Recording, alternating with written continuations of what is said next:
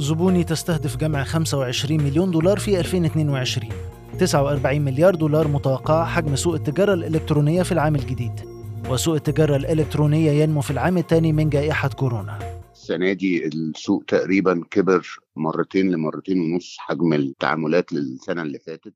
صباح التكنولوجيا من جديد.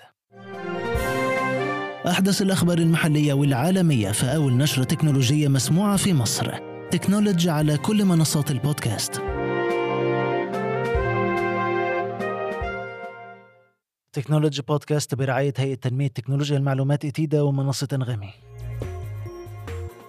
شركة زبوني الناشئة للتجارة الإلكترونية بتبدأ عملها في مصر خلال العام الجديد وبتستهدف جمع 25 مليون دولار من مستثمرين حاليين وجدد للتطبيق. بدخولها مصر بتتوقع الشركة جذب 5000 تاجر على منصتها.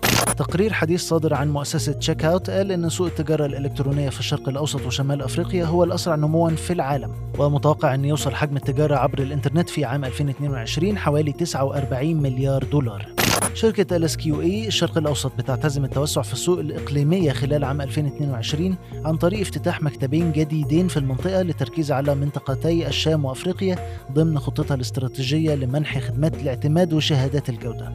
أيضا Technology بترصد في graph العدد خريطة صناعة التعهيد في السوق المحلية وأبرز المؤشرات أن صادرات التكنولوجيا سجلت 4.5 مليار دولار. Corporate Stack بتنقل مركز البحث والتطوير الخاص بها لمصر في 2022 وبتتوقع جمع 45 مليون جنيه من بيع حلول تكنولوجيا المعلومات المتوافقة مع إجراءات التحول الرقمي في السوق المصري وعندها خطة قوية للتوسع لأسواق كندا وأفريقيا والسعودية في العام الجديد جهاز تنظيم الاتصالات اتخذ خطوتين مهمتين لتنظيم السوق وهما إتاحة معرفة الخطوط المسجلة بأسماء كل مستخدم عن طريق تطبيق My NTRA والخطوة الثانية هي التعاون مع البنك المركزي في إطلاق منصة بتمكن المستخدمين من معرفة المحافظ الإلكترونية المسجلة بأسمائهم في أي بنك أو شركة. سجل حجم التداول المالي على محافظ المحمول 233 مليار جنيه وفق الإحصائيات الصادرة عن البنك المركزي. في مناقصة العدد مركز البحوث الزراعية طرح مناقصة لتوريد أجهزة حاسب آلي ومن المقرر أن يتم فض المظاريف الفنية والمالية للعروض المقدمة يوم 20 يناير الجاري. ضيف الحلقة مهدي العلبي الرئيس التنفيذي لشركة R2S للشحن واللوجستيات رئيس التحرير تكنولوجي نيرة عيد حورته عن توجهات سوق التجارة الإلكترونية في مصر خلال عام 2021 إزاي اتغيرت سلوكيات المستخدمين خلال العام التاني من جائحة كورونا خاصة بعد إن التجارة الإلكترونية بقت منتشرة أكتر بكتير من السنين اللي قبل كده؟ السوق مازال بيكبر بنسب قوية قوي سنة ورا سنة. نقدر نقول إن السنة دي السوق تقريبا كبر مرتين لمرتين ونص حجم التعاملات للسنة اللي فاتت. فعشان كده شايفين زيادة في شرائح زي أدوات التجميل والملابس والمنتجات دي. إيه هي أكتر الشرائح العمرية اللي بقت دلوقتي بتركز على التجارة الإلكترونية بشكل أكبر؟ مش واحدة لأن شرائح مختلفة بتشتري منتجات مختلفة من أوائل العشرينات لغاية أواخر الثلاثينات أو أوائل الأربعينات. هم دول الشريحة الأكبر اللي بتشتري أونلاين. إزاي شايف مستقبل السوق مع دخول منافسين جدد سواء في التجارة الإلكترونية أو تحويل العلامات التجارية زي امازون شايف ده هيأثر إزاي على السوق خلال الفترة اللي جاية؟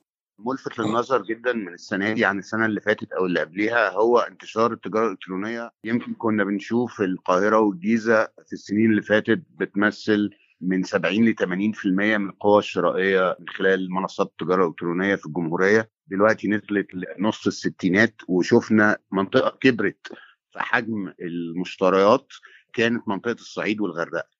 اللي هي كانت بتمثل حوالي 3% ودلوقتي بتمثل تقريبا 9% قبليها كانت منطقة الدلتا هي أكبر منطقة بتكبر في النهاية R2S إيه خطتها للسنة اللي جاية وإيه موقفها دلوقتي في السوق خاصة إنها أحد أهم اللاعبين في التوصيل في السوق خلال الفترة اللي فاتت.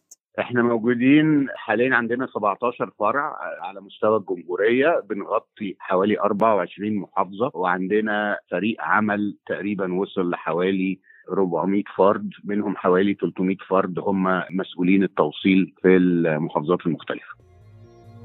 إلى الصين اللي بدأت في إتاحة العملة الرقمية الخاصة بها e-yuan للدفع على نطاق أوسع وده من خلال طرح تطبيق لمحفظة اليوان على Play Store و App Store واليوان الرقمي هو نسخة رقمية من العملة الوطنية في الصين ولكن لا يشبه العملات المشفرة زي البيتكوين خصوصا أن البنك المركزي الصيني بيصدر هذه العملة وبيتحكم فيها ارتفع إجمالي صفقات سوق ال NFTs خلال 2021 ل 14 مليار دولار وشهد إقبال كبير على شراء الرموز غير القابلة للاستبدال ما يدل على أن السوق ده هيجذب صفقات أكبر واستثمارات أكبر الفترة المقبلة. Technology Podcast برعاية هيئة تنمية تكنولوجيا المعلومات ITIDA ومنصة أنغامي أخبار أكثر على Technology dot news